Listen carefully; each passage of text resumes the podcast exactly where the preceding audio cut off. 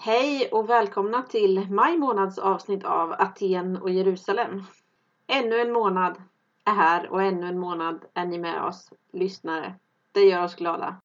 Med mig har jag en supergravid eh, Annika Wilsén. Ja, Så gravid, superduper gravid. verkligen. Jag är trött på det här. Så gravid är jag nu. För det är ju en, ett återkommande samtalsämne som vi brukar ha om att du tycker att det är så tråkigt att vara gravid och så kul att föda barn. Ja, precis. Men det som är bra med det här är ju att eh, själva barnafödandet närmar sig.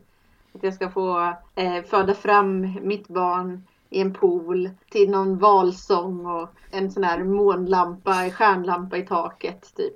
Har, du, har du redan bestämt att du ska ha valsång med? det är inte helt spikat men eh, någon musik blir det väl i alla fall. Så det slutar, slutar det säkert med att jag föder i bilen på vägen dit eller något. Ja, jag har ju eh, lite olika sådana här, som jag brukar berätta om ibland, eh, olika föreställningar jag hade om, om födslar och sådär. Eh, Mm. Ett var att, att man skulle vara på ett väldigt lite så flummigt typ eh, eh, Stockholmssjukhus. Eh, Min idé var att man då skulle ha så här bara, eh, att det skulle komma in en shaman och så slå på en trumma och sen så bara, nu är det dags att kliva in i fosterkaketältet. Så hade de så ett, ett litet tält sydda av torkade fosterkakor. Moderkakor, ja. Ja, mo- ja, moderkakor, förlåt. Som man fick lägga sig inuti och sen så fick man, och sen så gjorde någon så och så sen så födde man barnet. Eh, Det var bara en sån här liten minnesbild jag har från mina föreställningar om en flummig födsel. Ja, just det. Och sen hade jag ju en skräck så här när jag bodde hos dig Mm. och, att, eh, och du var höggravid att eh, jag skulle vara tvungen att skjutsa in dig för att det, vi var ofta de som var hemma på dagtid och att då skulle, ja, att du skulle drabbas av en psykos och vilja föda barn i skogen. ja, precis. Tilläggas bör att vi bodde fem minuters bilväg från sjukhuset och det var Ja. inga skogar i närheten. Men... Och det var okej, jag visste jag följer med ut i skogen. Jag skulle vara väldigt obekvämt. Jag skulle ha gjort det. ja, det blev inte så. Nej, Det startade när Josef var hemma, min man. ja, det var, jag kommer ihåg det mycket väl. Mm. Och nu, Amos, han är ju gammal nu. Ja, han, han är är väl eh, fem. fyra va? Nej, fem till och med, sjukt. Helt galet. Ja, så att eh, åren går. Ja, men hur är det med dig då? Du är inte höggravid. Jag är inte höggravid och eh, sådär. Jag har sovit dåligt i natt för att mitt eh, yngsta barn hade feber och var väldigt såhär gråtigt och ledset och sådär. Mm. Så att jag är inte så, på det sättet har jag gått in på en ganska låg, en ganska låg nivå det här slutet av dagen. Mm. Och så, lägger, och så går liksom, läggs det ett lager till av att vara krångel med internet som gjorde att jag, att jag går in i det här med ett väldigt lågt Humör. humör, precis. Vi ser om det kan vända uppåt längs eh, försnacket och eftersnacket. Om jag låter vresigare och argare än vanligt så är det eh, därför. Mm. Eh, Aten och Jerusalem Ja, är ju Sveriges bästa okreddiga, okreddiga teologiska intervjupodcast. ja. Det har du förmånen att lyssna till, Annika. Och jag också, Anton, har, brukar lyssna på det. Mm. Vem har vi pratat om? Ska, får jag gå in på det nu? Ja, absolut. Det, eh, Vem har du pratat med? jag har pratat med Beth Elnes eh, Hansson på Johannelunds teologiska högskola, en gammaltestamentlig exeget. Mm. Det var lite kul. Det var ett tag sedan vi hade en. Vi har definitivt haft. Men det var ett tag sedan, absolut. Eh, Gamla testamentet är alltid lite roligare att prata om, för det är lite mera, lite mera eh, vilda västern i Gamla testamentet. Så det, Det är lite sting i. Det, det är inte bara som vanilj. Det är lite mer som eh, salted caramel. exakt med chili. Ja, precis. Så att det finns alltid mycket att diskutera om när det kommer till Gamla testamentet. Och nu ska vi prata om förbannelser i Gamla testamentet. Mm. Och välsignelser. Men förbannelser är ju där stinget ligger kanske. Mm. Det är inte vilka förbannelser som helst som vi pratar om, utan vilka sorts eh, förbannelser, Annika?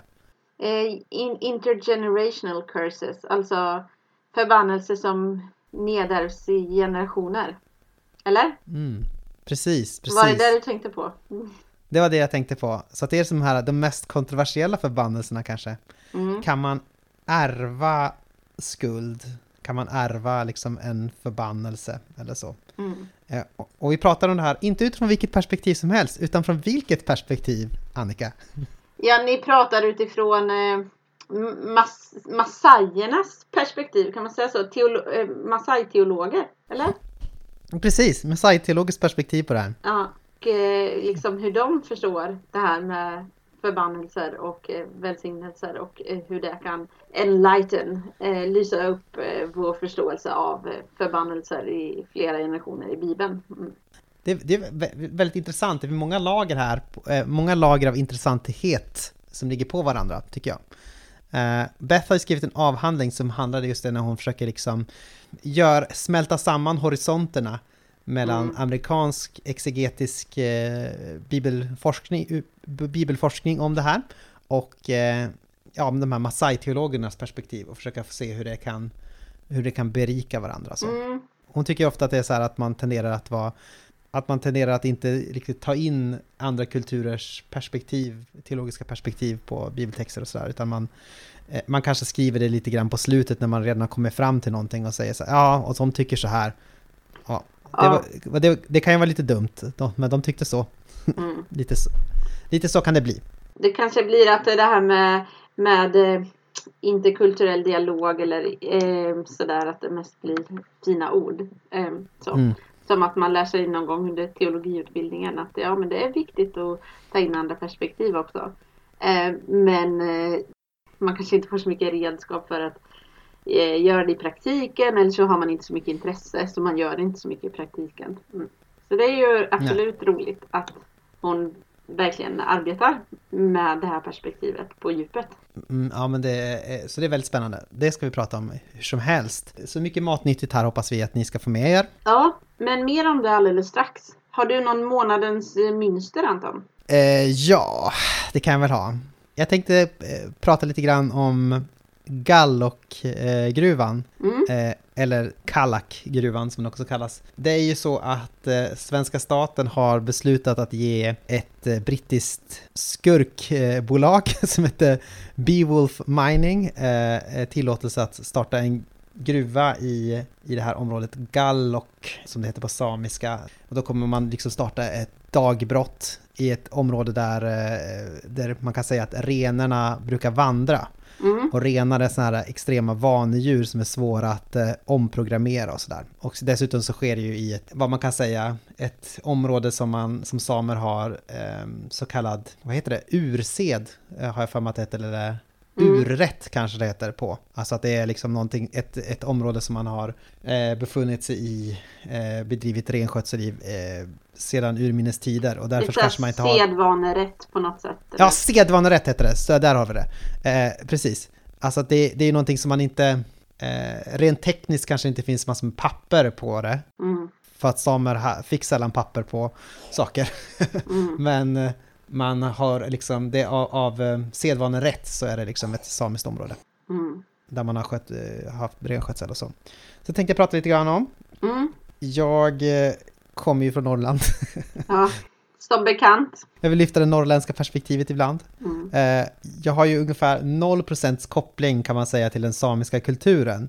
Jag tänkte prata lite grann här utifrån en bok eh, av en författare som jag hoppas att vi ska kunna intervjua någon gång. Mm. Eh, Jonathan Tran har skrivit en bok som heter Asian Americans and the Spirit of Racial Capitalism. Mm.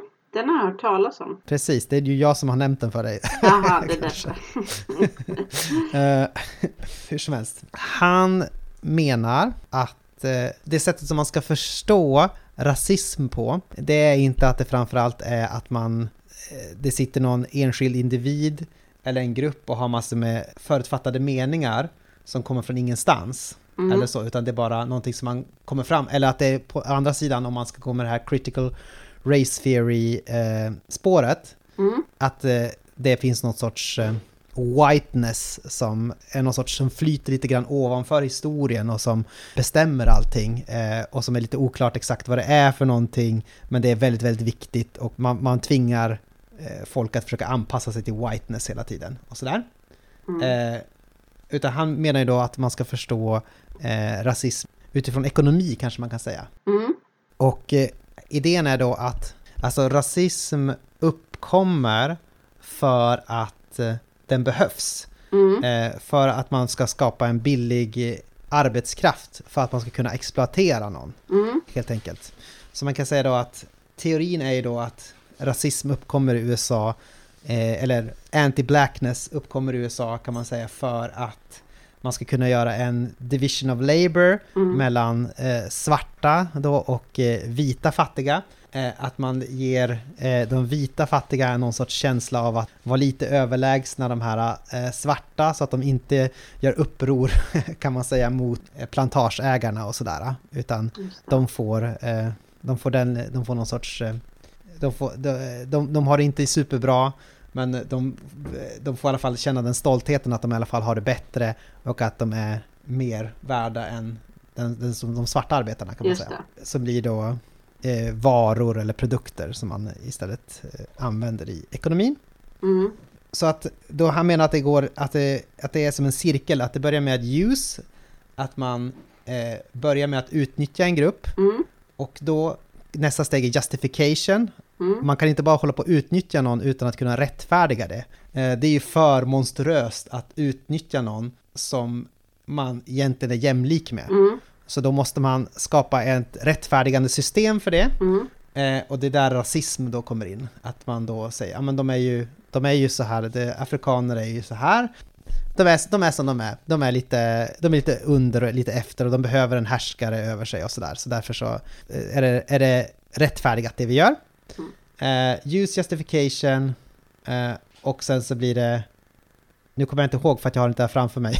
Men i det här perspektivet så blir det eh, rasismen, alltså själva ideologin, en pålaga efteråt. Exploateringen Precis. fanns redan innan så att säga. Mm. Det är som en överbyggnad då kan man säga på en exploatering som redan finns. Just det. use justification och så sen så uppkommer vad man kan säga en aftermarket på det här. Det är när man väl har utnyttjat någon Mm. eh, så uppkommer massor med sidoeffekter av det. Mm.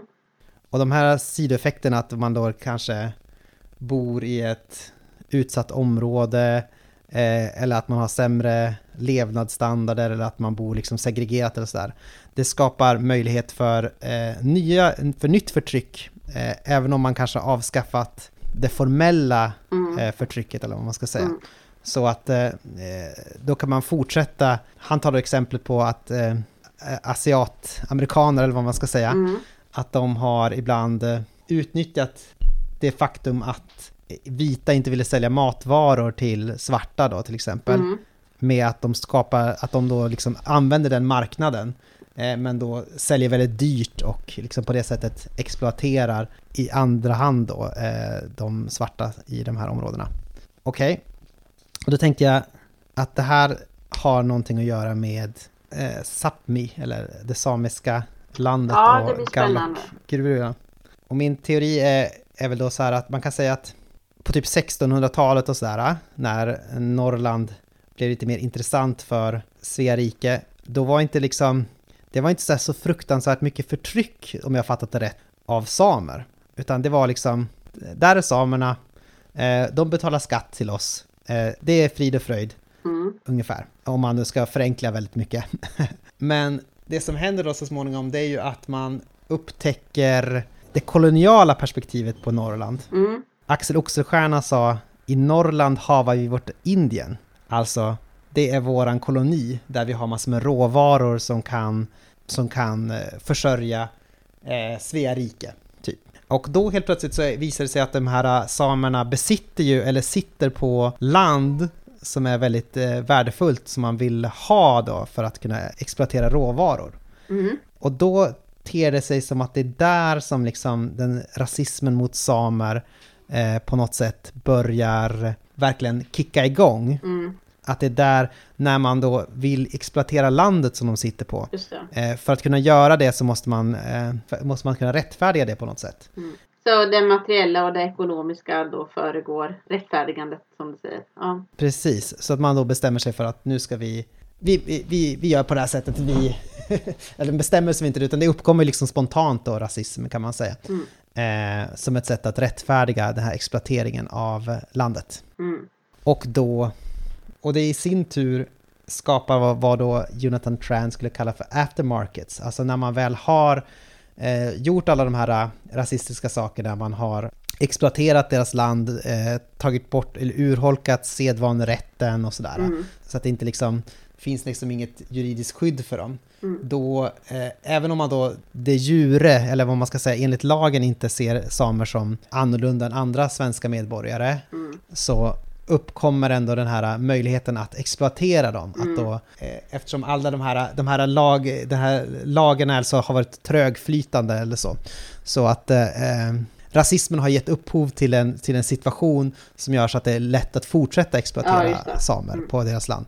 Eh, så att då kan man starta den här gruvan och inte bry sig om eh, vad de tycker eller vad de eh, säger. Även om man kanske inte har, även om man inte går omkring och har massor med rasistiska nidbilder av samer från statens sida så har ändå den här situationen uppkommit. Just det. Det tänker jag, det är en liten redogörelse för hur man skulle kunna förstå hela den här situationen med Gall och eh, Kallak. Och eh, här finns det någonting som kyrka, ja, att det finns också en, men det finns också en djupare eh, sanning på något sätt i världen, i verkligheten som är liksom Guds fria eh, nåd, Guds ekonomi mm. som eh, vi kan upptäcka eh, ibland. Och det är det som Jonathan Tran skriver om i sin bok också, lite grann om ja.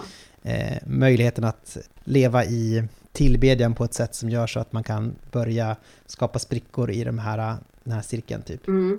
Eh, så därför, det var en liten bokrekommendation eh, utifrån det. Mm. Och eh, en sorts förklaring på hur man skulle kunna se på Gallok-konflikten. Ja, men det var jätteintressant. Och det skulle vara intressant då om vi intervjuar honom någon gång, för författaren med. Precis. Ja, men eh, tack för den utläggningen Anton. Tack så mycket. Eh, jag kan säga en sak, jag har ingen mönster eller så. Mm. Men som kan vara lite kul är ju att eh, du och jag har ju fått eh, skriva debattartikel i Dagen. Ja, om, just det. Eh, fred. Mm. Eller hur? Mm. Ja, det har vi.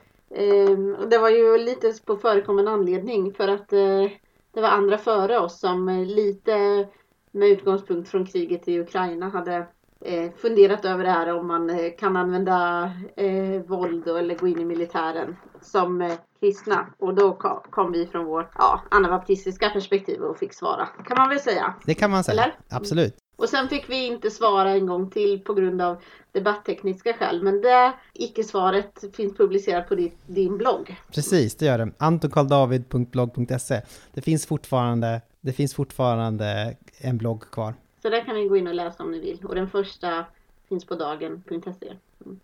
Så det var ju lite kul att vi ja, får än en gång gå ut och veva för freden.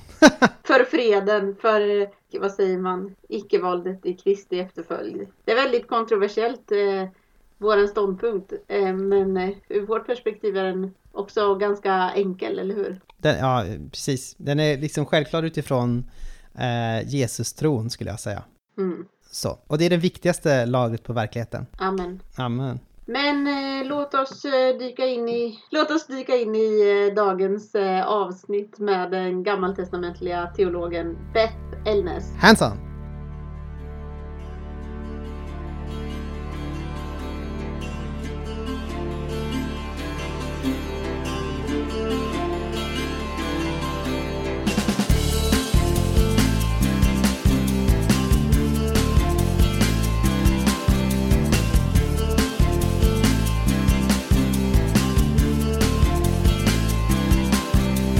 Beth Elness Hanson, very welcome to Athena, Jerusalem. Nice to have you here. It is an honor to be here and be with you. Thank you. For those who don't know you yet, uh, how would you introduce yourself? Well, I am a accidental pilgrim. I am on a journey, though a person of faith, a follower of Jesus, but I've ended up to be kind of a global nomad. Mm.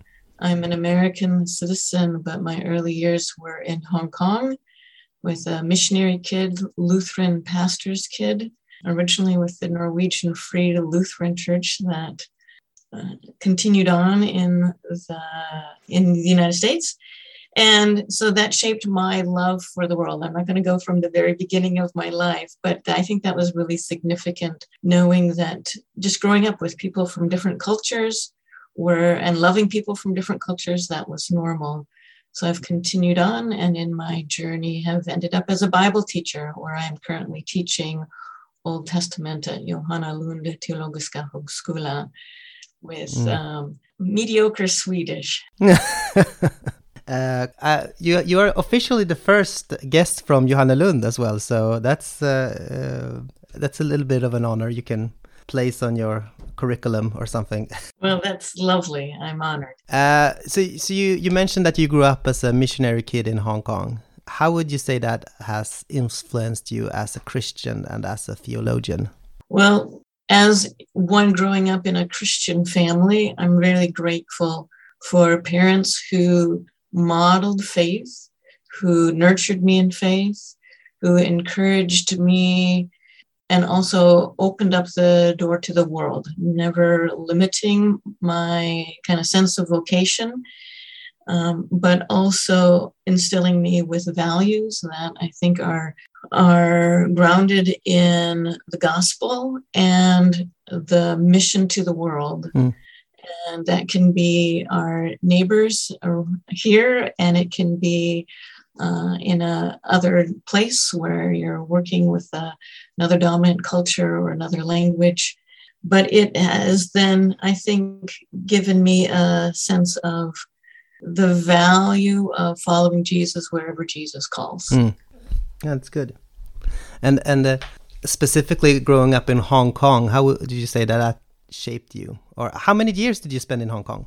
Yeah, it was my early years until I was about seven. So I grew up with images of Jesus being Chinese. Mm-hmm. And so now we call that enculturation. That was before it was the theological term. And that um, now is part of uh, intercultural hermeneutics, hermeneutics being, in simplified terms, the philosophy of interpretation. Mm. And that's kind of what I do as a biblical scholar. Mm. So it, it, kind of sh- put me on a path that has, well, there's w- w- twists and turns, but through this all, I see this sense of my vocation having a red thread of uh, discipleship mm. and um, kind of a global perspective. Mm. And it strikes me that you coming to the text uh, kind of through questions of enculturation and so on, it makes you a theologian with a. There's a sense that the text is very alive and vivid when I read your dissertation, and that's not always the case for biblical scholars. no, and and this is where I appreciate many of the institutions I've been a part of, and also Johannelund, where it is scholarship and service to the church. Mm. Now, Johannelund has an appropriate frame to honor in light of being in a Swedish context. And um, so we work very carefully to be respectful of what are the Swedish academic policies mm. that has a broader opportunity in many places around the world to integrate more with faith and life mm. and these existential questions. And that's part of also my uh, theological reflections. Mm. So your dissertation, you're trying to fuse or blend the horizons between American exegetical scholarship and Maasai theologians and their understanding of intergenerational curses. Yes. So it's the, uh, for example, the punishment of idolatry in the Ten Commandments are extended to the third and fourth generations of those who hate the Lord. Uh, so, so what's the backstory here? How did you end up with this theme? Well, as one who did confirmation when I was in, you know, or middle school, I think I remember two things, and one of them was this Ten Commandments and this line that says in the English translation, "I, your God, am a jealous God, visiting the iniquity or mm. sin." of the forefathers to the third and fourth generation of those who hate me. And I just remember thinking, that's so unfair.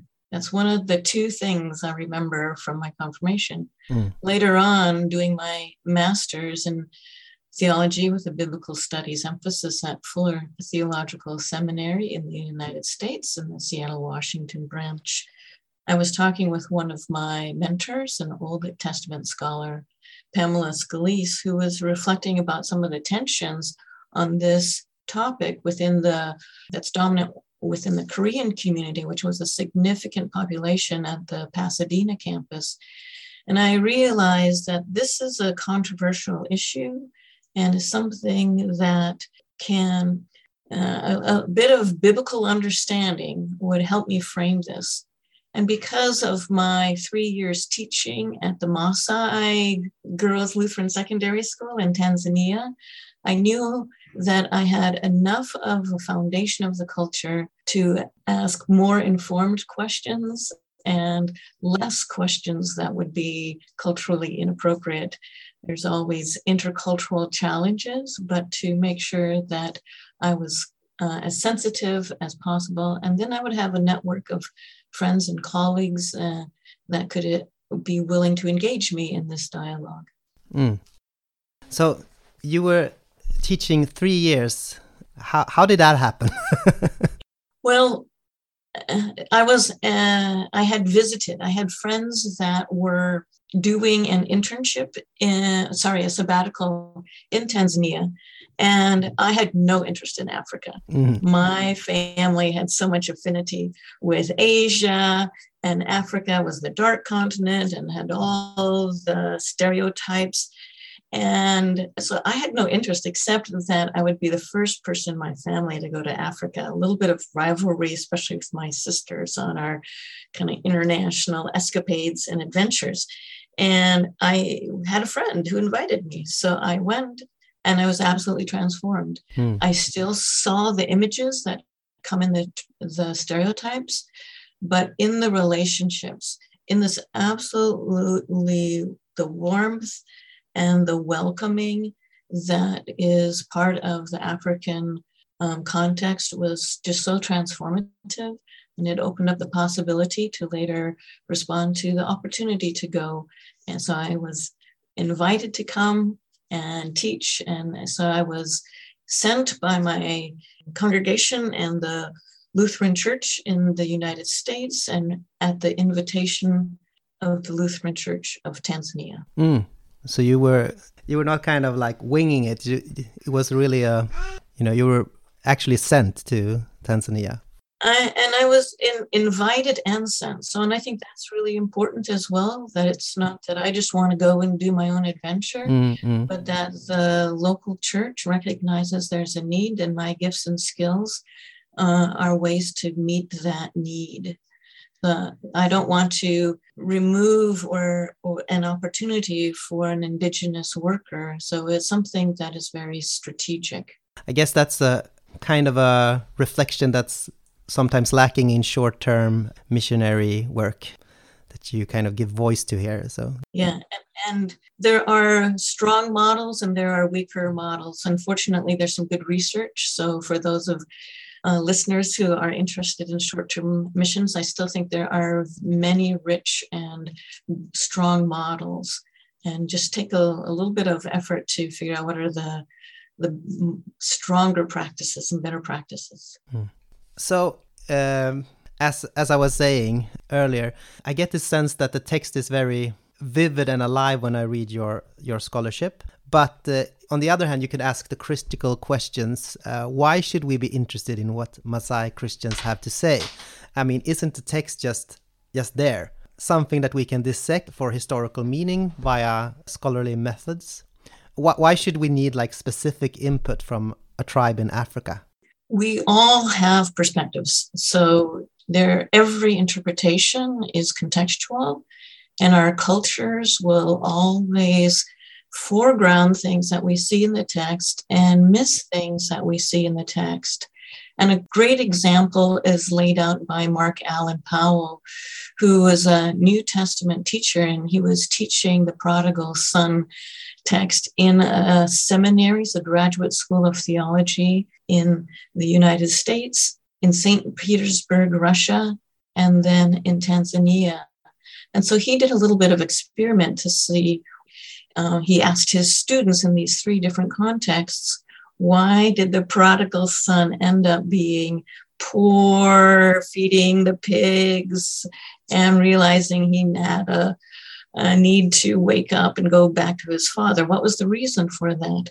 Well, in the United States, about 90% said it was because he squandered his money. Mm. In St. Petersburg, Russia, it said because there was a famine. Mm. If you look in the text, there was a famine. Mm. And St. Petersburg had a famine. They were a siege during World War II. And about, oh, I think it was 20 to 30, 20% of the people died mm. during that. So a famine is really important in their psyche. In Tanzania, it said there was no one who would take him in and feed him. Mm. And in Tanzania, I've already mentioned this warmth and the hospitality. They thought, how inhospitable that they would not care for a stranger in their midst.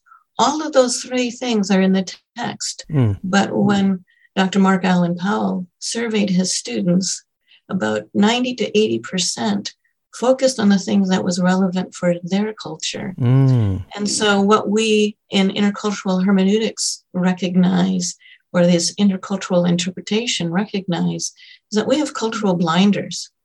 And when we come with brothers and sisters in Christ from around the world and look at the text together, then we see things in the text and we see things from different perspectives and different kind of ways of knowing that help us see the text in a, in a fuller way. It will never be full, mm. but in a fuller way. And it's not easy, but it's enriching. Mm, mm. It's also like I, am thinking about the Pauline text. Um, that we I don't know, I, I don't know it in English as well, men att vi ska fatta höjden, bredden och djupet eh, tillsammans med alla de heliga. Yeah. That's, uh, we could lift that into like a, a world Christianity perspective, yeah. Then we'll have an even fuller understanding of uh, the word. The height, the depth, and the width, yeah, things that, ah, yeah, um, and that we can see in a fuller way with more complexity, more layers, more uh, understanding. And I also think the other thing to add to that briefly is that right now, one out of four Christians in the world are in sub Saharan Africa. And the way that demographic growth is, is that by the year 2050, one out of every three Christians in the world will be in sub Saharan Africa. So if we don't have ways to build bridges of understanding across cultures, we're going to be missing out from our dialogue, our engagement with our brothers and sisters in Christ. Mm. And we're also going to be missing out on seeing how God is working in a third of the world mm. and the way that we get inspired and enriched by that. So the growth of world Christianity is from the majority world.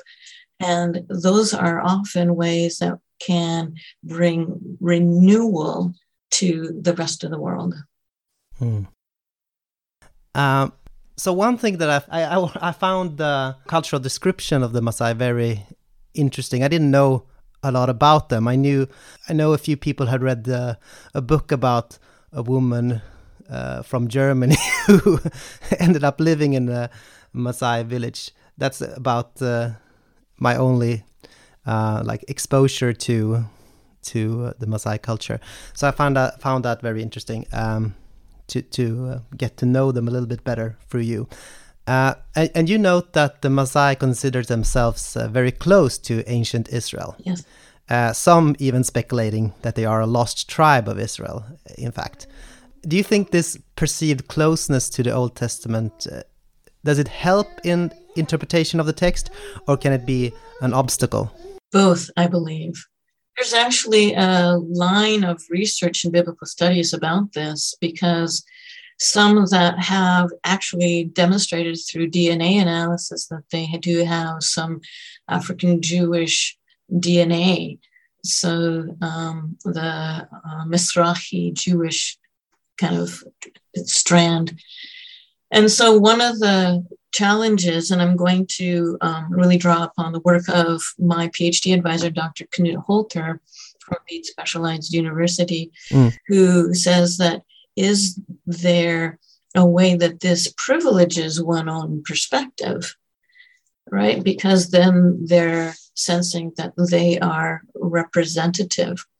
And so it becomes very complex and there's different people groups there's who are claiming this from uh, around the world actually but several people groups within africa and it's not that every uh, Maasai theologian has that identification as one of the lost tribes, but some one of the lost tribes it, but some do. And I've actually been in conversations with people that have had that. And I think what happens is that, on the most part, from what I see, it's it's a sense of connection. Mm. I find a little parallel with my heritage from Scandinavia. There is a little bit of Swedish and a little bit of Danish, but mostly Norwegian. And so there's an affinity, and there's an, another layer of excitement of learning about where my ancestors came from. And I think that can be a positive thing. But when it becomes nationalistic or exclusive or privileging one person's voice or perspective, then it can be unhelpful. Mm. I was thinking maybe it seems like they understand kind of like the communal or corporate perspective way better than Western Christians. Uh, that's that's the impression I get from your reading your text. But on the other hand, I, I see I also see this uh, that you also note that they kind of tend to make the sins that are very central to them as those who are conjuring intergenerational curses rather than idolatry. And so yeah i think that's interesting that it's this also you you you get a sense that this closeness to the text kind of makes us experience ancient Israel through them in a way, but also you can see that they kind of lay their own culture uh, on top of the biblical text uh, in a way that's maybe not always helpful. And we all tend to do that actually. We can look at some yeah. of our hymns that we sing in fact, one of my master students here was looking at the sense of identity and had this beautiful, perfect quote from a Lina Sandell hymn mm-hmm. that talked about how Abraham, our father, and how we as Abraham's children, right? Mm. And writing from a Swedish context. So we all tend to do it. Sometimes it's just more recognizable when someone else does it. Mm. And it's a culture that's different from ours. Mm. And I think one of the things is to recognize that when we all have our cultural blinders, then in the dialogue, we start to recognize them. Hmm. And what we also then in the dialogue, in the conversation, I started to see things in, from my own limitations. So, yes, I realized how much of an individualist I am. Hmm. And when I was in the Tanzanian context, to see this absolutely amazing communal structure. And it's not without critique. There are times with my Maasai girls who were defined so much by a patriarchal society that they were limited in their sense of vocation. So, so I have also a sense of, of critique, but on the whole, no one is lacking in identity. There's a traditional um, and widely understood um, phrase in Africa I am because we are. And since we are, therefore I am. That my identity is, is grounded in my community, and my uh, community is the one who calls me into my existence and mm. into my being. And then I am never alone. I am never somehow um, excluded because I'm part of a community. And yes, there's a little bit of an ideal in there, mm. but that is at the foundation of so much of the Maasai context and many other African people groups. Mm. Um, so let's get to the curses then. yeah. Uh, for the Maasai, curses are something very real, tangible. It's something that most people seem to have some sort of experience of. If you would describe this, uh, how do they understand uh, curses? What, what, what, what is a curse in, in the Maasai context? Yeah, and recognizing that blessings and curses are a biblical concept and that there's we would say in English phenomenological effectiveness. There's there's power behind these, and that's we've removed that from much of our Western contexts because we just have curses being bad words mm. or bad things um, that are kind of accidental, kind of a thing, but not really anything that are tied in with cosmic structures and powers. And similarly, blessings are, and especially in the, the kyrkan context, were only a ordained priest can say the words of blessings from Aaron, that sometimes, you know, we don't think of blessings as part of our daily life. Maybe there's something that the priest can do, but not just normal people. Mm. But that is not a biblical understanding of blessings and curses. And we think of that in some respects like blessings, it would be a uh, a cousin to prayer in the sense that we pray and we are calling upon a good and gracious God to be involved in the world in, in a way of blessing. And somehow we have a privilege of being part of God's work by invoking our prayers. And similarly with blessings and knowing that it's the, the God is the power behind that.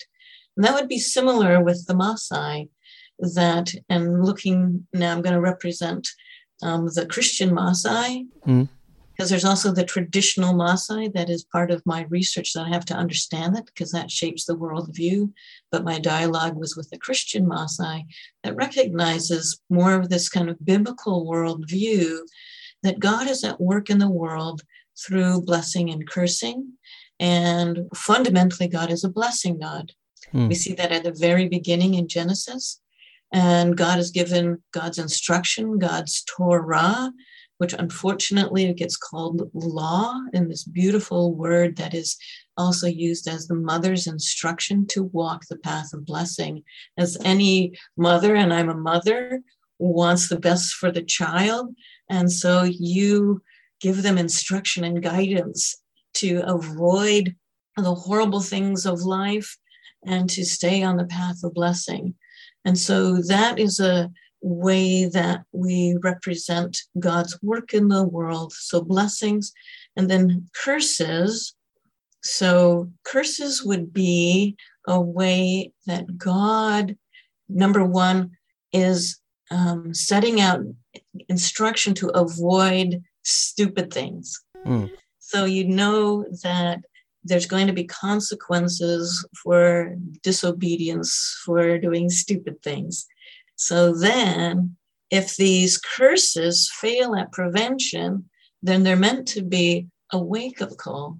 That they're serious enough that you say, This is not the path of blessing. I've fallen off into a ditch, and now I'm in the path of the ditch of curses mm. and recognizing, like the prodigal son, this is stupid. Why I'm in this difficult situation? Why am I hungry? Why am I dealing with shame feeding pigs? My father loves me. Even if I go back, hmm. I will then have a reconciliation. So then these curses are meant to be a wake up call to be restored to the reckon the right relationship of uh, reconciliation. Hmm. So the the summary for it, and this is the the laser beam lesson I learned from the Maasai, is that curses of this wake up call, it is the goal of the curse is reconciliation. Mm.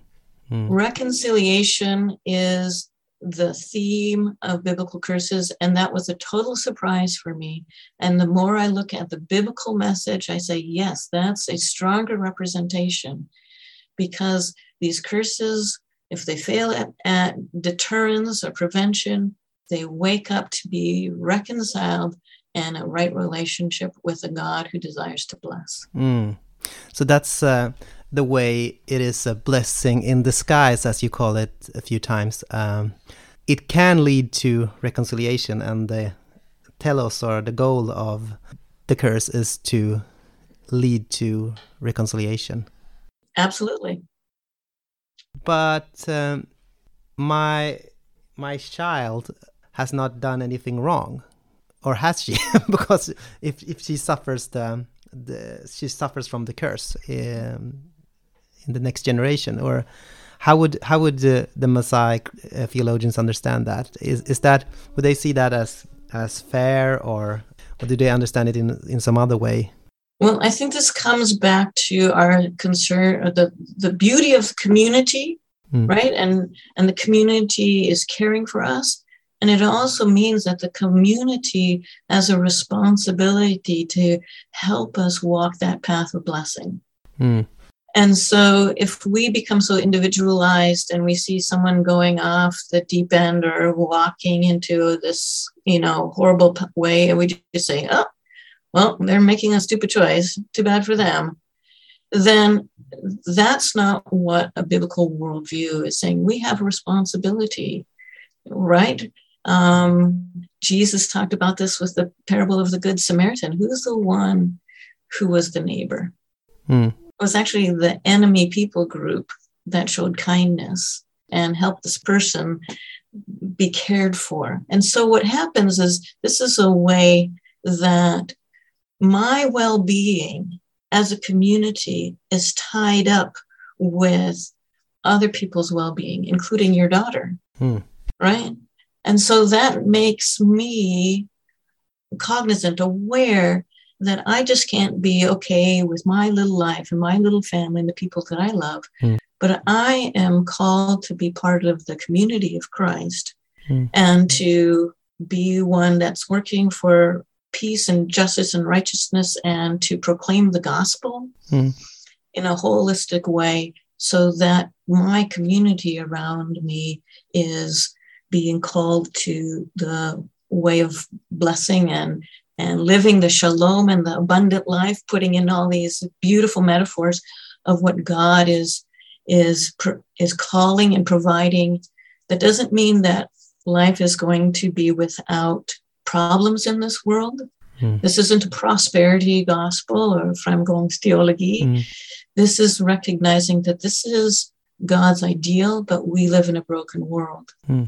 And that's why in fact we should be we, we are called to be and we have the opportunity to be a community because then we can support others at times. We are all at times going to be in need of support.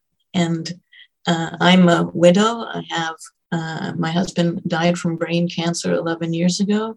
I Hmm. know what it's like to have a community to come around and support. And so those are the the ways that God has chosen to work through the community, and this uh, generational curse is a way to incentivize us to be concerned for those within our community. And so this is part of, I, I think, what is God's economy Mm. is that God is is incentivizing us to be concerned for others because the way that our neighbors and our other loved ones and the consequences for their disobedience can affect me and my my community. Hmm. So, in in a sense, you would say that the idea is that if we have this sense that my sin or the curses that my sin invokes, it it helps me and my community to kind of take sin more seriously and, and kind of always strive for reconciliation. Uh, would that be like a fair summary? That we, we see that it's not just my atomized life; it is something that will affect also my my offspring, my my future, um, my kids. Yeah, I think there there there is this sense of um, what I do is serious. The choices I make are serious. Hmm. That doesn't uh, dismiss God's grace Hmm. because this is also recognizing in these texts, like in in Exodus twenty, Hmm. that the visiting the sin to the third and fourth generation, Hmm.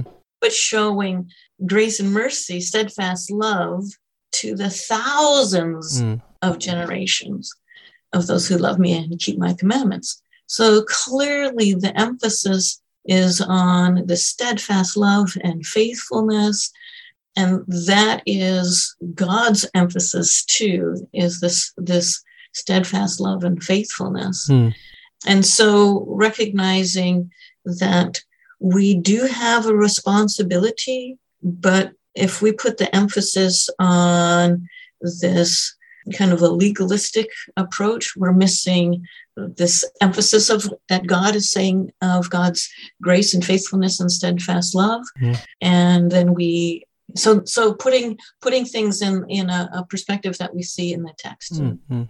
I, was thinking about wh- that while reading your dissertation that we don't seem to have a problem with intergenerational blessings. For example, that, that God keeps his promises to Abra Abraham's descendants into distant generations who have little to do with uh, the historical Abraham and, and remembers the promises to the fathers and keeps on, keeps on blessing and blessing throughout the years and, and being steadfast. Um, but we shy away when when the same logic, uh, but heavily restricted. I mean, three to four generations is applied to the concept of curses. Uh, then we want to be uh, atomized individuals all of a sudden. Uh, so why do you think that is? well, it as individuals, it's easier to control your own life, mm.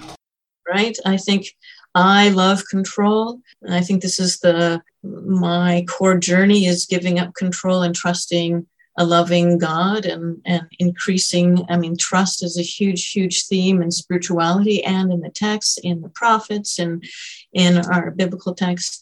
That, the more that I can trust God and not have my own control, then I I'm walking in a way that is more aligned with what uh, God's work and mission in the world. That does not dismiss wisdom. That does not dismiss being uh, responsible for our our life and our you know the things we need to do in life and paying our bills. So it's not that kind of a sense of a control but it's a the ordering of our life is important and the wisdom that helps us do that. But in the sense is it is it my agenda or is it god's agenda? And so this is where trust gives me the freedom to be uh, more day by day to be more free to be who God has has called me to be, created me to be, and is calling and has gifted me to be. Um, I recognize so much in the back of my head are the fears that keep me from walking forward in trust.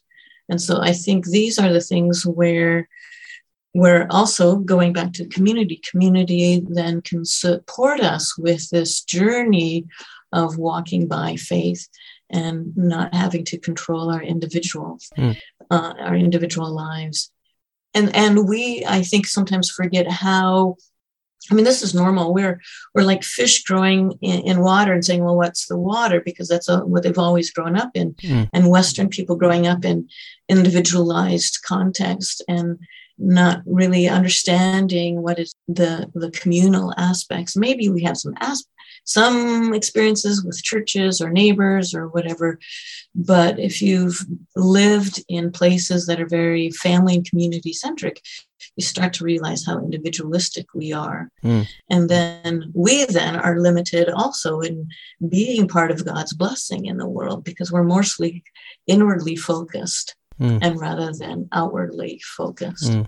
You say that this dialogue uh, between the American exegetical tradition and the Maasai theologian has changed your view on intergenerational curses. How has your view changed?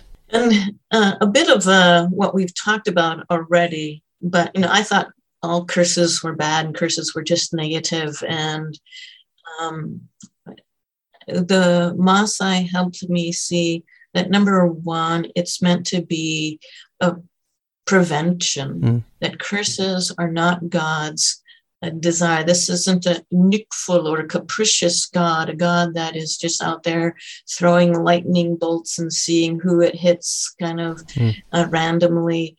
This is a God who has ordered the world and has given us instruction and guidance and wisdom to walk the path of blessing. And then if our choices are not deterred and the community does not help us keep on this path of blessing, then these curses are a wake up call to be returned to God, to be reconciled with our Creator. And knowing that the generational curse then is broken, mm. there might be some consequences, and this is in the the text in Numbers um, 13 and 14, the Fjerde Mosebok. Mm. So there still can be some consequences, but it's not like you're living in the power of the curse because there is forgiveness. Mm. And so that's an important aspect as well, because it is not something that is in eternity or in many, many generations going to have to live out for these third and fourth generations. It can be broken and the reconciliation can be immediate with forgiveness. Mm. Though at times there can be some consequences, but at times there are, that's not part of the story either. Mm. You made a little bit of a, uh, a graph, I, you could say. Yeah where you, yeah. you kind of jumped from one side of the center to the other side of the center. So you would still say that you're kind of close to close to the center. That is, um, you still have a, a, kind of Western sensibility or so. Or how would you say that that shows in how you understand the curses? Or yeah, and this is where in intercultural biblical interpretation, I will uh, very clearly say I'm not doing African biblical interpretation. I will never be a Maasai. I will never be an African. I am building bridges of understanding across cultures. And what I'm seeing is that I will typically not end up being having the full Maasai worldview in my understanding. There are things mm. that from my cultural heritage and the way that I uh, and my community interpret the texts are things that are still part of my understanding, but it has expanded, it has grown, and I am crossing this bridge. And so then I'm more able to have this um, meaningful conversation with African scholars and others from around the world because I'm open to the question, I'm open to the dialogue. And rather than saying, oh, that's different, that's weird, and shutting that off, mm. and wanting to say, oh, well, let's have this this conversation as we read the text together. How do you see that? Help me understand your perspective. Doesn't mean that I have to believe that perspective but I sometimes there's there's things that to say, ah, oh, that has helped me see the text. Mm. That has unlocked something that is a fuller understanding of the text. And so that's what I appreciate in the intercultural biblical interpretation.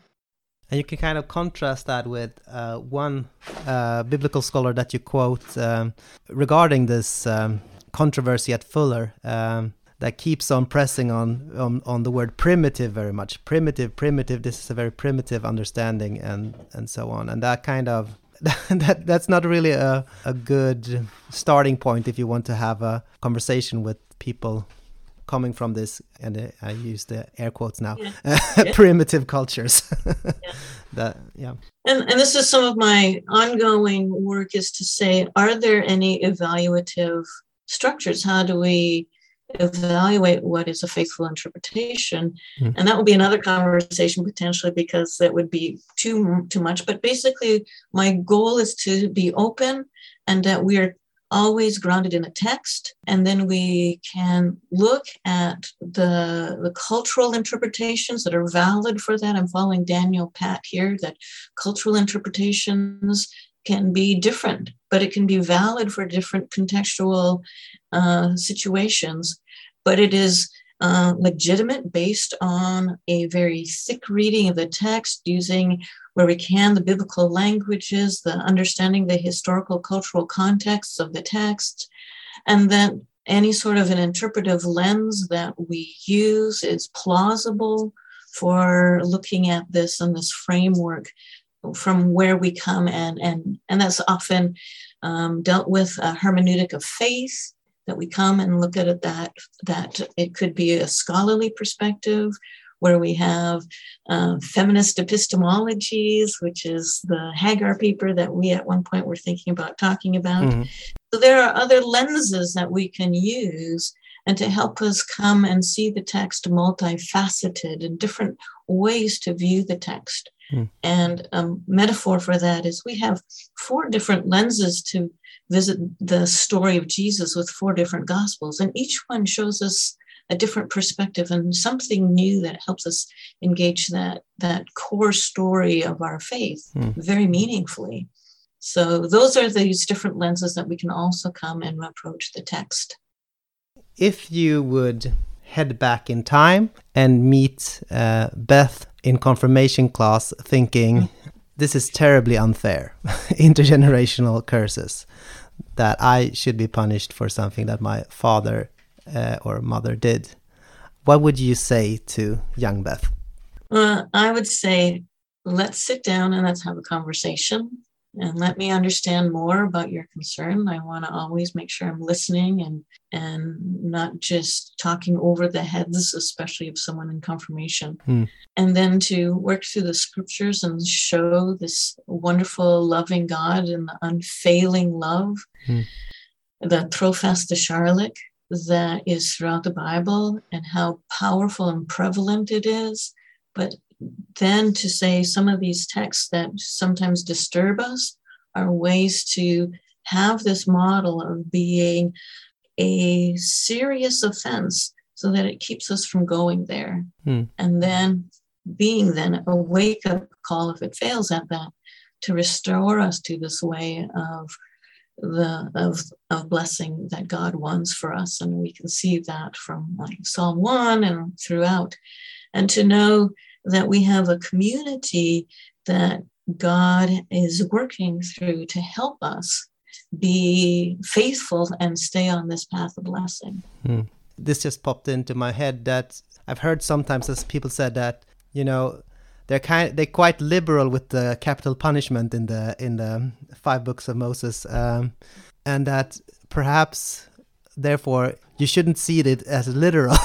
I mean it would be impossible for a community to kind of uphold that kind of law but the meaning of it is to demarcate uh, like the way of life and what's beyond the pale of the way of life or so to speak.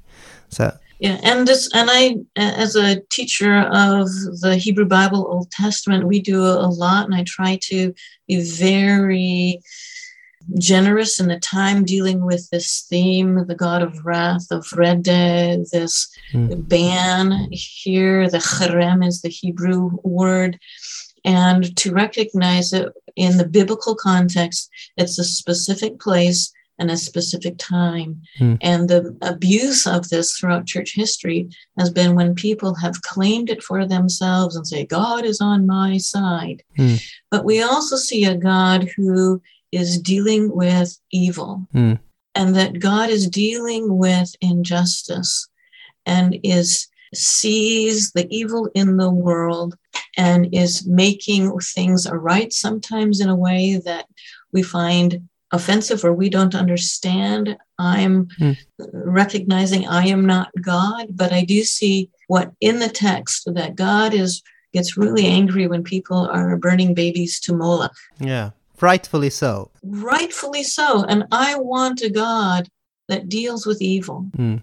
And so that a God that is concerned with evil and then takes it on himself in Jesus on the cross, then is this pathway to the final restoration of dealing with this with Christ's return. Mm. But we have there recognizing that there is not just dismissiveness, Mm. not, you know, the opposite of love is not hate. The opposite of love is unconcern, of not caring and just saying, oh, they're going down the path of total destruction for each other. Oh, that's too bad for them. No, we want a God that is actively involved and is working through history in ways that I don't fully understand. But we see glimpses of this in these ancient scriptures that show God's love and faithfulness and working for this way that God's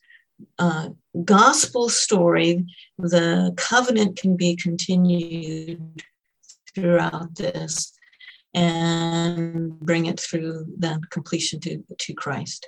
speaking of christ uh, who is jesus christ Okay.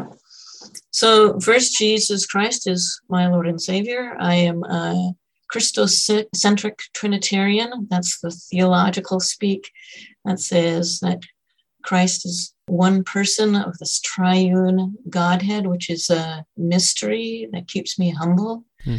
Um, in wondering and, and keeps me pondering uh, and seeking to, and my faith seeking understanding. It is the Christ that we see uh, glimpses of God because Christ came in the flesh Hmm. and walked among us, and then is the God's representative to humankind, but then also represents to God uh, us, and because God totally empathizes with us as one who's walked this earth, and then took his sin in himself on the cross and and through the resurrection and here we are in the easter season cosmically changed the world Hmm. and dealt with sin once for all so that we are saved by grace through faith not by our works through the saving atoning act of jesus christ Yeah, it seems it almost uh, seemed like you've prepared the the answer for this question. yeah, it's just no i'm a, I'm a bible teacher it just comes naturally. yeah. yeah. So, whom should we interview in Athena, Jerusalem? Yeah. Well, I think there's a couple options here. Some of my colleagues I would recommend. Um, I think that I have uh, a colleague, Stefan Lindholm, who deals a lot with community. So he does um, theology and philosophy and has worked a lot with L'Abri.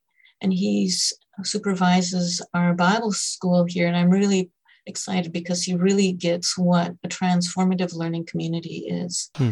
and a wonderful jazz player too so he, he would be one i would also uh, i'm really fascinated with one of my former students who is applying to continue on with bible translation and how biblical performance criticism can strengthen Bible translations and what that means for Swedish Bible translations. So her name is Johanna Rundlund Mhm.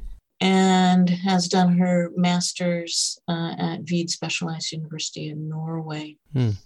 It's a has a I think a, a real exciting way of bringing poetics and people who love poetry and love the sounds and oral aspects of communication and bringing trying to elevate that without losing accuracy but elevate that aspect the poetic aspect Hmm. the orality in biblical translation hmm. Seems very interesting. Yeah. Yeah. Um, well, thank you very much for taking your time, Beth. well thank you for the uh, invitation it's a great honor to be here and I'm, I- I'm impressed with anyone who is willing to dig into the biblical theology of dissertations so i'm impressed Well, what can I say? it's what I do. well, hopefully we'll, I'll see you around. thank you and you have a beautiful daughter Yeah, thank you.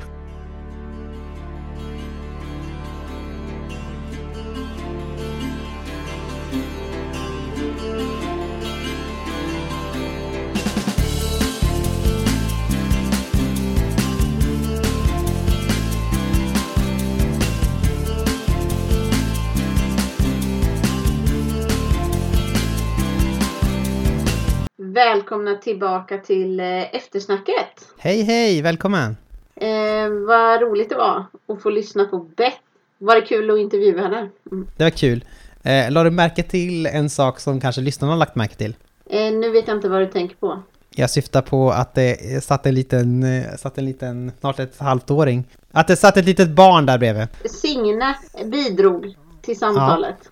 Ja. Precis. Det, det gjorde klippningsarbetet lite svårare. Men eh, på det stora hela tillför det någonting tycker jag. Tycker du att hon lät, mycket, eh, lät hon eh, lagom mycket, tycker du? Oftast var det lagom. Men ibland så var det liksom att hennes ljud läckte in i dina frågor. Aha, just Eh, det. men eh, eh, så får det vara. Vi lever ett, ett liv också. Vi är inte bara poddare. Om ni nu trodde det. Mm. Fastkedjade vid poddmaskinen. Dag och natt. Det ger o- så otroligt mycket pengar att leva på. Ja, precis. Eh, det gör det inte. Nej. inte för oss. Men eh, Så det, Signe var med. Jag var lite förkyld också. Ja. Så att det, jag kanske var lite slöare än vad jag skulle varit i andra fall. Aha, du tänker så. Jag tänkte mer att du harklade ibland. Men det har jag nog klippt bort de flesta harklingarna. Ja, jag harklade mig och så var jag kanske lite slö. Och så var det ett litet barn där som lät. Mm. Men eh, hon tyckte att ditt barn var vackert i alla fall. Ja, det är ju ett vackert barn så det, Ja. det finns ju inget att, inget att säga om det.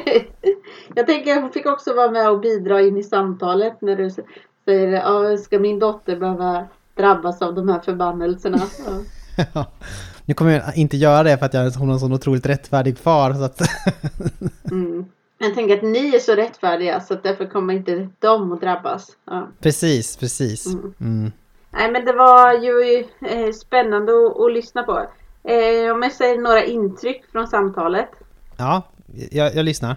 Eh, men dels eh, tycker jag, kanske nämnde i försnacket också, men det här med liksom inkulturation tycker jag var bra att bli påmind om och eh, ja men hur alla kulturer har sina svagheter när det gäller att förstå eh, evangeliet. Eh, nej, inte bara evangeliet utan bibeltexten överhuvudtaget. Och sina styrkor. Eh, och så. Men hur viktigt det blir med dialogen. Och då så tänkte jag på det hur eh, sällan ändå man eh, möter eh, teologi i dialog med en radikalt annorlunda kultur än den västerländska. Ehm, Ja, det är rätt sällan faktiskt.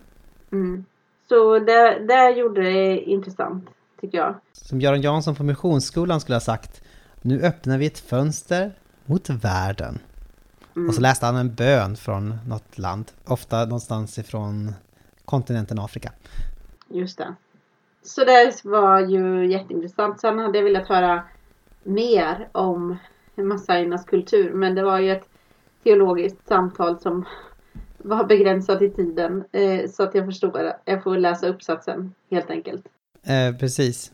Men liksom om vilka, både vilka eh, tillgångar och vilken eh, punkt för kritik eller vad man ska säga som finns ur, ur det västerländska perspektivet och eh, hur ett berikande skulle se ut. Mm. Något som varit uppe på sista tiden är väl det här med kvinnlig omskärelse. Att det är någonting som praktiseras bland massajer fortfarande. Okej, det gör det. De har både manlig och kvinnlig omskärelse tror jag.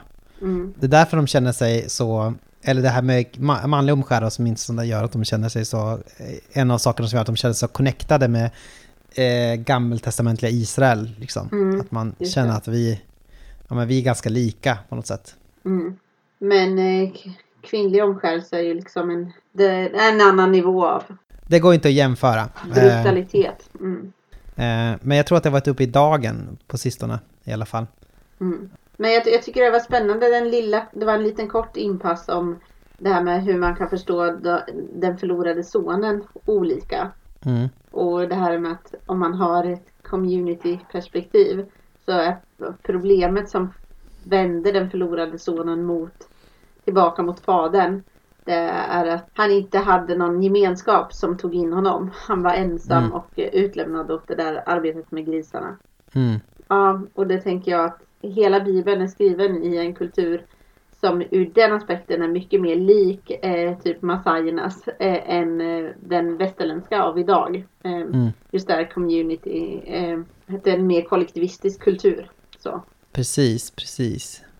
Ja, nej men det, det är ju sant och att man tänker då på något, och då blir ju, vad ska man säga, helheten har ett ansvar på något sätt. Alltså, Ja, det, det handlar inte bara om mig och min relation med Gud utan vad som händer med en person angår liksom alla på något sätt. Att det är, ja, det är någonting som drabbar eller som påverkar helheten. mm, Det finns ju det här amerika- äh, afrikanska ordspråket som jag inte riktigt vet var det kommer ifrån men som eh, Beth Elnes Henson eh, citerar på lite olika ställen i uppsatsen också. I am because we are, eller jag är för att vi är. vi är, mm, Alltså att man, att man tänker på sig själv utifrån gruppen väldigt mycket. ja, Eh, inte som i väst där man har den här devisen från Descartes. Eh, jag tänker därför är jag. Liksom, ja, att, eh. Eh, utan man börjar liksom, jag är till för att vi, jag är för att vi är. Ja. För att vi, för att jag är del av den här gemenskapen så finns, så är jag. Just det. Och där ligger man ju närmare den bibliska tanken då, när man tänker liksom mera på ett sorts ansvar, att folk, att man har ett sorts ge, gemensamt ansvar för Mm, varandra och inför Gud. Och jag tänker att det är eh, ett ansvar är ett, eh, ett sätt också att närma sig det här med heder och skam utan att det låter, låter så laddat. Liksom. Men att mm. eh, det är ju någonstans där vi pratar om också att där jag, de handlingar som jag eller mina barn eller min, någon i min familj gör påverkar liksom ja, eh, hela familjen. Det vill säga det är inte bara jag som får stå till svars för, för mina handlingar utan jag kan stå till svars för det andra i min närhet gör också. Just det. Jag tänkte inte på den kopplingen till hederskultur faktiskt, men det är ju sant, det, är ju, det har du rätt i. Jag, jag gjorde den kopplingen i alla fall. Men, men för det som blir spännande där tycker jag är att den kultur som Jesus kommer in i är ganska mycket av en eh, heder och skamkultur. Men att Jesus mm. också visar, han knyter an till det men han visar också makt över heder och skamkulturen. Det vill säga han kan transcenda eller vad ska man säga, gå bortom. Överstiga. Överstiga ja, de ramarna. Och där hade jag velat höra mer om också hur man tänker så här, ja men de här intergenerational curses som ni ju pratar om och som nämns i mm. vad heter det, budorden och om det hade varit intressant att höra liksom om hur förändrar Jesus någonting när det gäller det här? Ja, men det kan jag, det kan jag svara lite grann på tror jag, alltså utifrån eh, avhandlingen då. Mm. Att, eh, jo men de Masai-teologerna tänker nog att i Jesus så är de här eh, förbannelserna brutna liksom. Ja. Så att om man är kristen så är de inte liksom aktiva på det sättet eller de, de missar sitt mål, mm. för, förbannelserna. De, gör, de åsamkar ingen skada eller så. Mm. Men däremot så är de verksamma liksom utanför Kristus eller vad man ska säga. Just det. Om man då tänker det rent soteriologiskt eller frälsningsmässigt så tänker man sig att man, man kan komma utanför de här, men man kanske inte pratar så mycket, eller jag uppfattade inte att man pratade så mycket om eh, hur Jesus i sin person förhöll sig till kultur, eh, ja, men, hederskam. Nej, just det, men eh, soteriologiskt så blir det en eh, skillnad efter Jesus då. Eh, precis, precis. Och det är väl så här, det finns också på ett sätt en önskan att vi kanske ska också i väst, kan jag tänka ibland, komma tillbaka till en sorts hedersskamkultur. Alltså man kan ju prata om det här med flygskam på något sätt och mm. sådär. Alltså att eh, eh, den enskilda människan står inte bara till svars inför sig själv, mm. utan också inför alla andra på något sätt. Mm. Inför hela världen och inför kommande generationer står en människa ansvarig inför. Mm. Eh, det den gör kommer genljuda eh, längre fram. Ja. Eh, och så.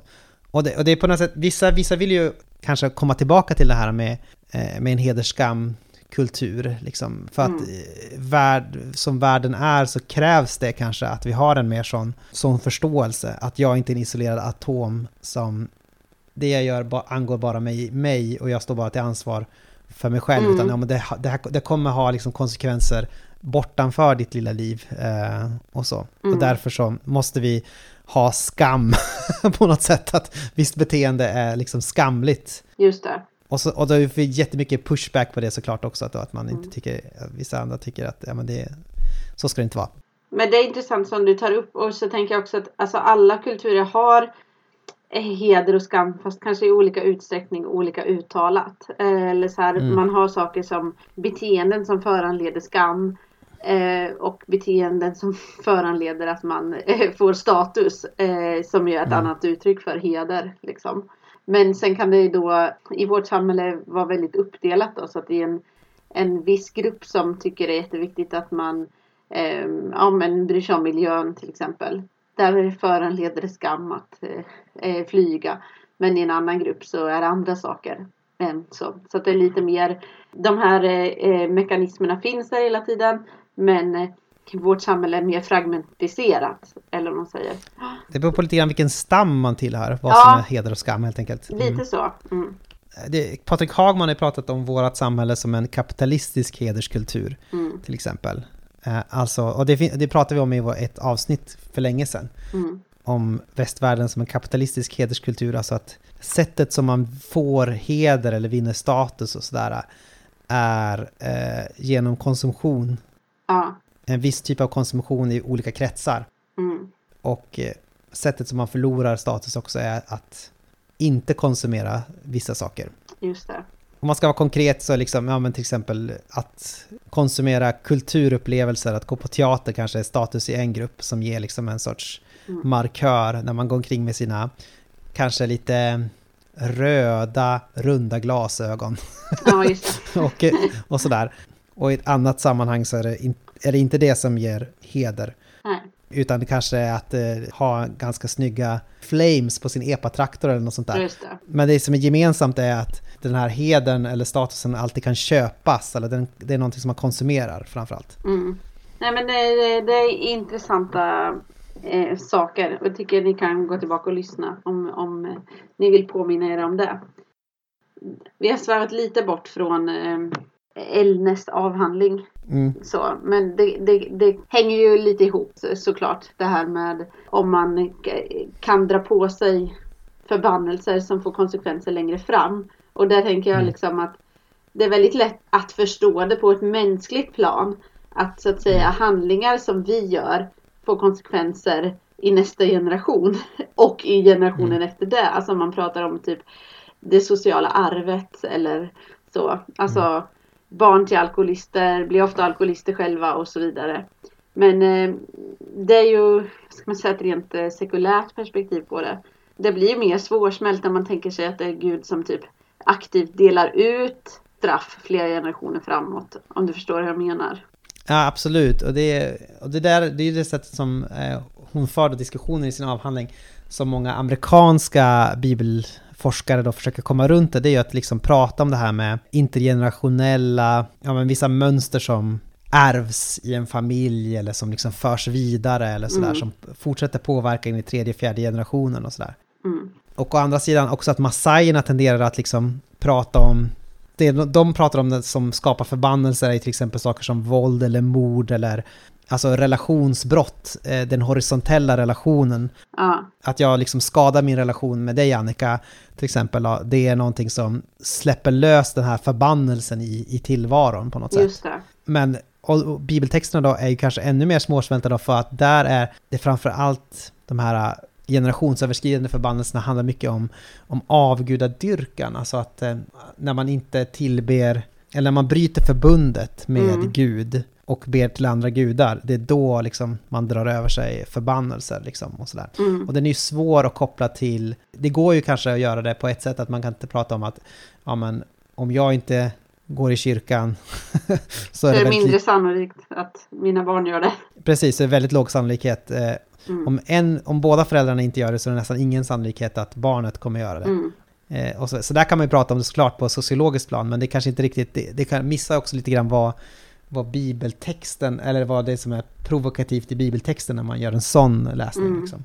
Men jag tänkte på det för det, det du sa om liksom, ja, men vi har inga problem med att acceptera löften som ligger kvar generationer framåt. Men vi har svårt för förbannelser. Mm. Men då tänker jag att det liksom är kanske inte just det här flergenerationsperspektivet utan att vi har svårt överhuvudtaget med den straffande guden. Men vi har inte svårt Mm. med en gud som lovar och välsignar. Eller så.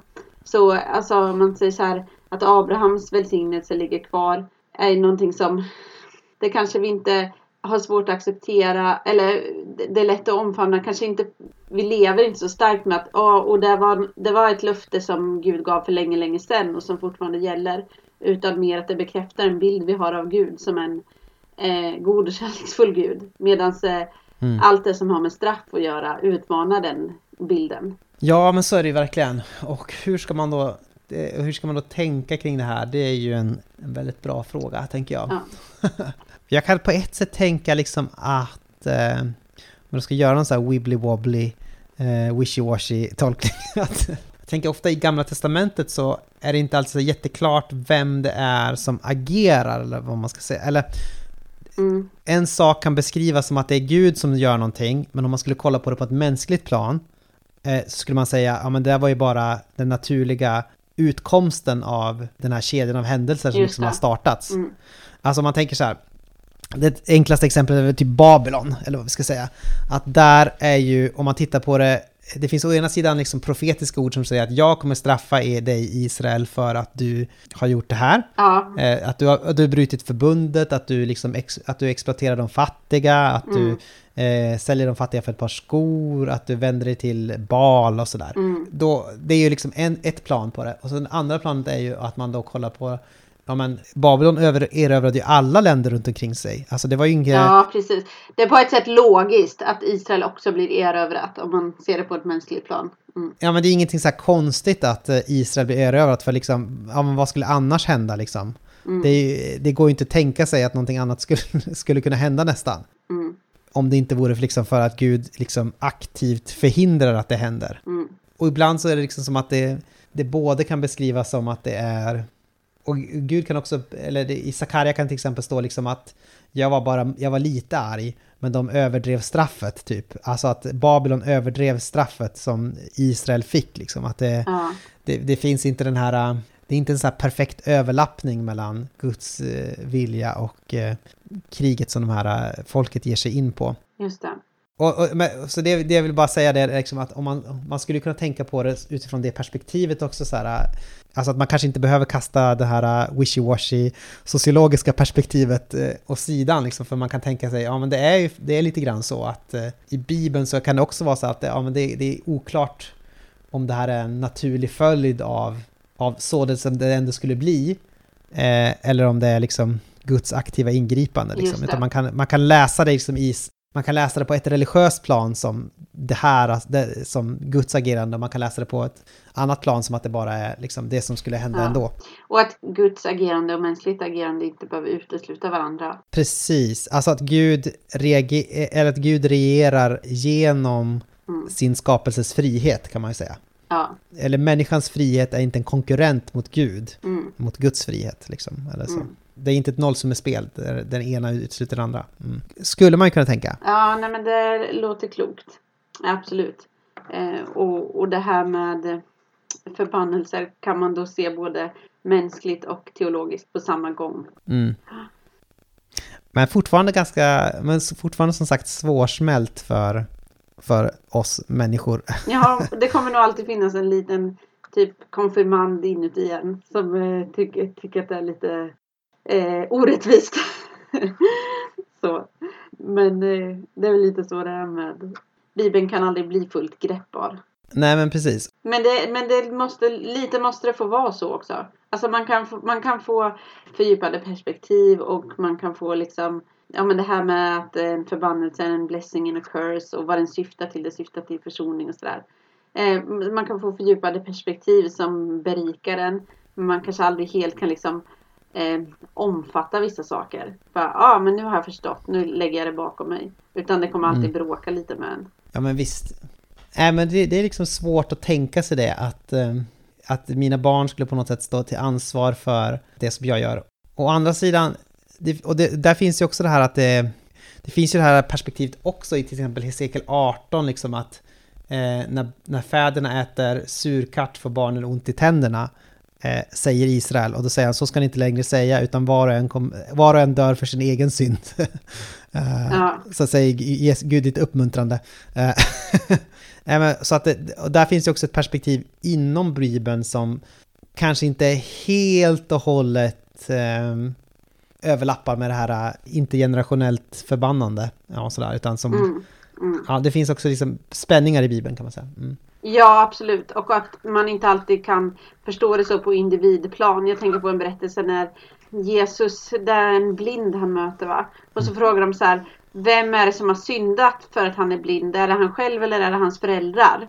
Eh, och så säger han typ, det är ingen som har syndat utan det är för att Guds rike ska uppenbaras. Och så helar han Mm. den här personen. Då är det på något sätt att eh, han eh, stör förklaringsmodeller som på typ ett förenklande sätt ska koppla ihop synd med dålig konsekvens eller så. Mm. Jag vet inte om det har med saken att göra men jag kopplade i alla fall till den berättelsen. Ja men visst, det har väl absolut med det att göra. Och så kan man ju också lägga till det här med att det finns ett sorts... Eh, ibland i vår världsbild så finns det liksom människans sfär, skapelsens sfär och så finns det liksom Gu, Guds sfär. Mm. Och så finns det ingenting däremellan liksom, utan det, däremellan är det liksom tomt. I Nya Testamentet så finns det ju sådana så begrepp som härskarna och makterna och sådär. Som är på något Mm. sätt eh, eh, fyller ut det här mellanrummet mellan Gud och människa på något sätt. Eh, att det finns saker emellan tillvaron. Så ja, det är inte så här, det är inte, man kan inte bara titta på en sak och så här enkelt eh, härleda det till att det var Guds vilja eller sådär, utan det finns, ja, egentligen ett komplicerat sätt att kanske säga eh, samma sak som jag citerade Sakarja-texten, att jag var bara lite arg, men de överdrev straffet. Alltså det finns inte så här, man kan inte se allting, man kan inte se allting i tillvaron och bara direkt eh, härleda det till att det var Guds vilja, utan det finns massor med saker däremellan liksom, mellan Gud och Just människan. Mm. Det finns mer at play än vad vi ser kanske. Ja. Precis. Det här får vi väl tänka på och begrunda, Ta med oss. ta med oss, ta upp som ett samtalsämne på bussen. Med det här eh, omständliga sättet vill vi väl säga att vi börjar eh, gå in för landning med det här avsnittet. Omständigt omständigt. Det var väl eh, ett relevant, eh, relevant, relevanta avrundande ord skulle jag säga. Att vi ska prata om det på bussen. Ja, okej. Ja. Det var det. Och jag vet att lyssnarna håller med mig. Jag vet att lyssnarna håller med mig. Mm. ja. Nej men tack för idag hörru. Tack, Det har varit tack. intressant. Mm. Verkligen. Jag hoppas du är gladare nu än vad det var när vi började avsnittet. Mycket gladare. Mycket gladare. Teologi har den effekten på en, eller hur? Precis, det har ju det. Eh, Det är ju, kan ju alltid lyfta ens andar, så att säga. Mm. Eh, Fridens liljor, vänner. Vi ber eh, för er, eh, sa jag nu. Så då får jag väl göra det. Och Vi hörs nästa månad. precis, skicka ett mail eller så här. Bli en Patreon, en understödare, en mecenat för vår konstnärliga Mm. verksamhet genom på patreon.com slash Jerusalem. Eh, skänk en slant och eh, du kan också gilla oss på Facebook och Twitter och Kommentera, dela, sånt. säg något. Tack för idag. Tack, tack. Vi ses.